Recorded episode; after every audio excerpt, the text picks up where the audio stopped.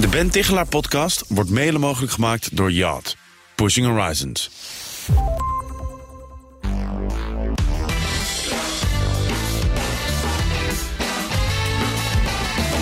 We proberen onze luisteraars natuurlijk elke werkweek een vliegende start te geven. Het is tijd voor de werktip van de week met Ben Tichelaar, gedragswetenschapper en presentator van de Ben Tichelaar podcast. Goedemorgen Ben. Goedemorgen daar. Hoi. Wa- wat is je werktip voor deze week?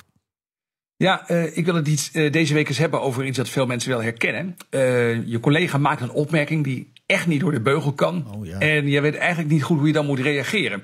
Ik sprak recent voor mijn podcast met Elianne van Steenbergen. Zij is hoogleraar sociale psychologie aan de Universiteit Utrecht.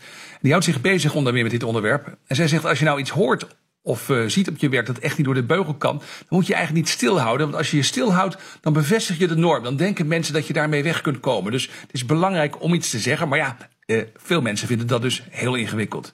Ja, heb ik ook bij Iwan heel vaak. Dan bedenk ik pas na de Ja, dat uitzending. dacht ik wel, ja. Ja, precies. Denk ik pas na de uitzending kon wat ik ik niet. dat- Wat ik eigenlijk had Ja, moeten zeggen. Ja. Maar Ben, hoe moet ik dan reageren? Of misschien wel, hoe, hoe moet je ook wel niet reageren?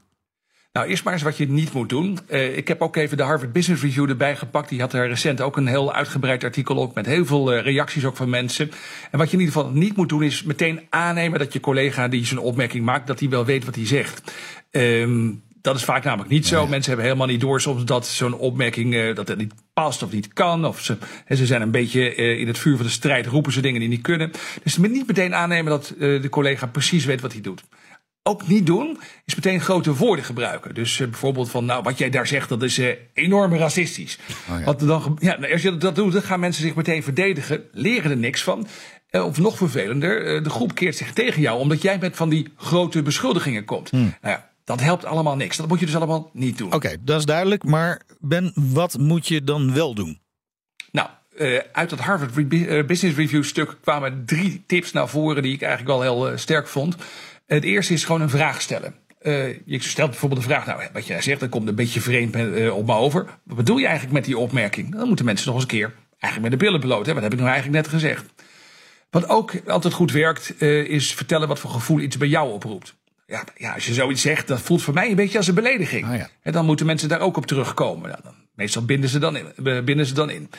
En wat ook helpt, als je in het bedrijf duidelijke normen hebt op dit gebied, dan kun je mensen herinneren aan die norm. Dan kun je zeggen, nou ja, jongens, dit past niet bij wat voor bedrijf we willen zijn.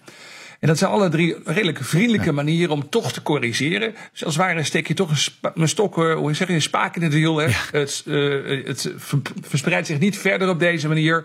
En ondertussen is toch ook de sfeer nog een beetje Ja, aardig. dus een beetje op een vriendelijke manier iemand corrigeren.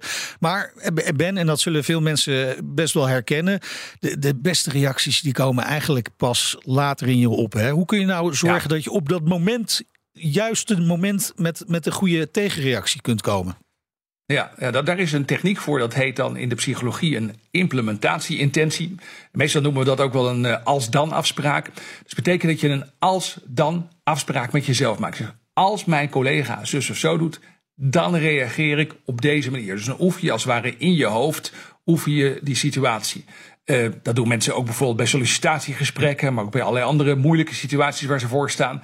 En het blijkt dat als je dat gaat onderzoeken, dat dat eigenlijk veel beter helpt dan eh, nou ja, in theorie erover nadenken. Dus als dit gebeurt, dan ga ik de volgende keer zo reageren. Ja, en dan is de kans dat je de volgende keer met een mond vol tanden staat, eh, wordt echt een stuk kleiner. Eigenlijk imagineren, zoals Louis van Gaal dat noemde. Ja, bij hem heeft het misschien niet zo goed gewerkt. maar het, het, de research laat zien dat dat in de statistieken meestal voor goede cijfers, eh, En- voor goede resultaten zorgt. Precies, Ja. want die als-dan-principe dat helpt dus ook om het dan daadwerkelijk te doen. Want jij wil ook niet die ene, Ja. die ene zuurpruim zijn die dat, nou ja, misschien wat een grapje op het randje die daarover begint. Eh, maar dat helpt dus ook om dan echt iets te doen. Het helpt om echt iets te doen. En het mooie is ook, het neemt ook de stress weg van die situatie. Dus normaliter, als je dan ter plekke iets moet verzinnen. en je bent een beetje gestrest. dan komt er eigenlijk nooit iets creatiefs of iets aardigs uit. Als je een paar reacties, zoals ik ze net noemde. bijvoorbeeld gewoon het stellen van een vriendelijke vraag. joh, dit komt wat vreemd op me over. Als je dat hebt geoefend in je hoofd. of misschien zelfs wel hebt uitgeschreven. of hardop hebt geoefend. dan komt het er op dat moment ook veel beter uit. En dan sta jij niet met een mond vol tanden. maar staat de ander met een mond vol tanden. En dat was de bedoeling. Dankjewel Ben. Tot eh, volgende week. Ben's podcast is natuurlijk te luisteren op eh, bnr.nl of via je eigen favoriete podcast app. Iedere woensdag ook een nieuwe aflevering van zijn podcast. De Ben Tichelaar podcast wordt mede mogelijk gemaakt door Yacht. Pushing Horizons.